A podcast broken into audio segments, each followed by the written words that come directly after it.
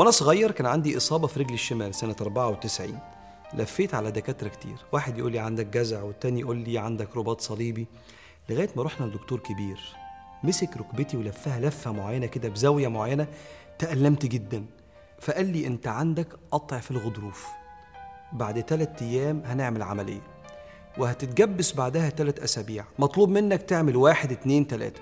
وممنوع منعا تاما تعمل واحد اتنين تلاتة. طلعت أنا ووالدي من عند الدكتور غاية الفرح. الحمد لله. المشكلة بتتحل والآلام هتخف. رغم إن أنا هتألم بعد العملية وهتمنع من الجري واللعب وأنا شاب لسه صغير وهتأيد بالجبس في رجلي لكني شفت كل الممنوعات دي عين العطاء. تصور لو كان الدكتور ده مشي ورا رغباتي قال لي أنت عايز إيه بعد ما عرفت إن أنت عندك قطع في الغضروف؟ أقول له عايز ألعب وأجري وأتحرك براحتي. فيبص لوالدي كده ويقول له بلاش نزعله سيبه براحته. الطبيب ده كان يبقى غير أمين لأنه بيريحني النهارده وهيدمرني بكرة بعد تفاقم المشكلة اللي عندي. ده حال العباد مع الله سبحانه وتعالى في رؤيتهم للمنع والعطاء. ابن عطاء الله العالم الحكيم بيقول ربما أعطاك فمنعك وربما منعك فأعطاك. ومتى فتح لك باب الفهم في المنع عاد المنع عين العطاء. لو فهمت ليه بيمنع عنك تعرف إن قمة العطاء إنه منعك دلوقتي. لأن ممكن ربنا سبحانه وتعالى يديك أرزاق واسعة لكن هذه الأرزاق الواسعة تمنعك من الشكر فتبقى متكبر غافل بالنعمة فده منع مش عطاء.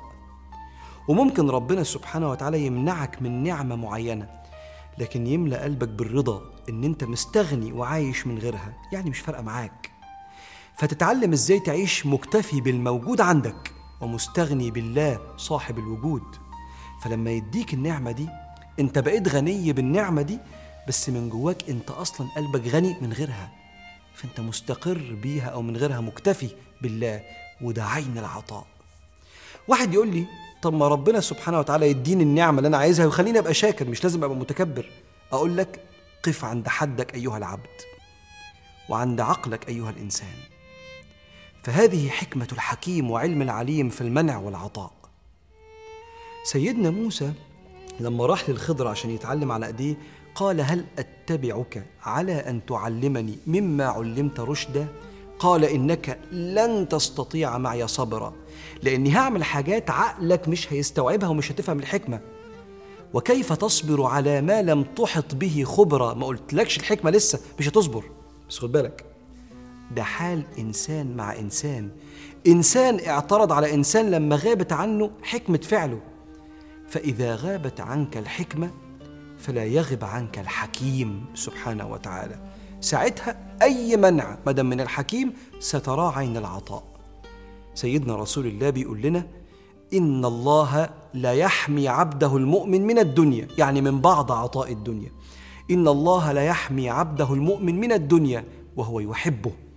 كما تحمون مريضكم من الطعام والشراب تخافون عليه.